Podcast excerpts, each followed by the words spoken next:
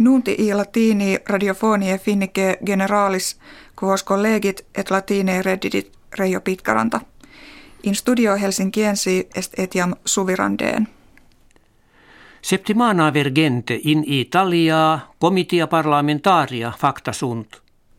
Pierluigi Bersani, preses coalitionis partium mediarum et sinistrarum, tam in senatu quam in camera parlamenti inferiore, sibiet suis plurimas quidem sedes conciliavit. Sed victoria minor erat quam ut ille novum regimen formare posset. Nam parifere fortuna kertavit pristinus princeps minister Silvio Berlusconi, cum confederatione sua dextra. Etiam motus politicus quinque stelle appellatus, cuius conditor est comedus bebbe grillo, apud populum tanta gratia valebat ut vartum quodque votum sibi pararet. Pessimum successum habuit Mario Monti, princeps minister Italiae hodiernus. Pontifex Romanus Benedictus sextus decimus, qui pridie calendas martias munus de posuit, jam papa emeritus officialiter vocatur. Ex civitate Vaticana nuntiatum est, eum etiam post hac veste alba indutum, et nomine sue sanctitatis appellatum iri. Anulum autem eius piscatorium more antiquitus tradito confractum iri, et novum papam suum anulum accepturum esse. Raul Castro, qui QB jam septem annos preest, comitiis ibidem congregatis presidens civitatis in quinque annos proxime futuros creatus est.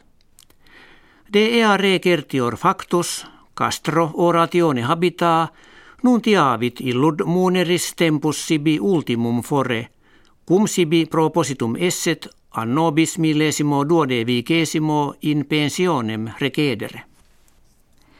Neantopoli sive in urbe Addis Abeba pacto subscriptum est quod eo spectat ut pax in republica democratica congoensi concilietur. Conventum auspiciis nationum unitarum factum erat, quam obrem etiam secretarius generalis Ban Ki-moon scribendo adfuit. Fieri potest ut in partem Congoe orientalem ubi complures greges seditiosi ad hoc in armis sunt, copie speciales mittantur. Magistratus sinenses primum congesserunt in civitate sua pagos cancrosos inveniri. Hoc apparet ex proposito circum jectali in quinquennium facto. Ibi enim scriptum legitur, chemicalibus venenosis et nocivis effectum esse, ut in sinis loca morbis cancrosis afflicta existerent – ubi conditiones vitae periculosissime essent. Catherine Ashton, ministra a rebus exteris unionis europee, cum presidente Jemenii Abd Rabbu Hadi, telefonike de sorte duorum finnorum et viri austriaci in Jemenio abductorum collocuta est.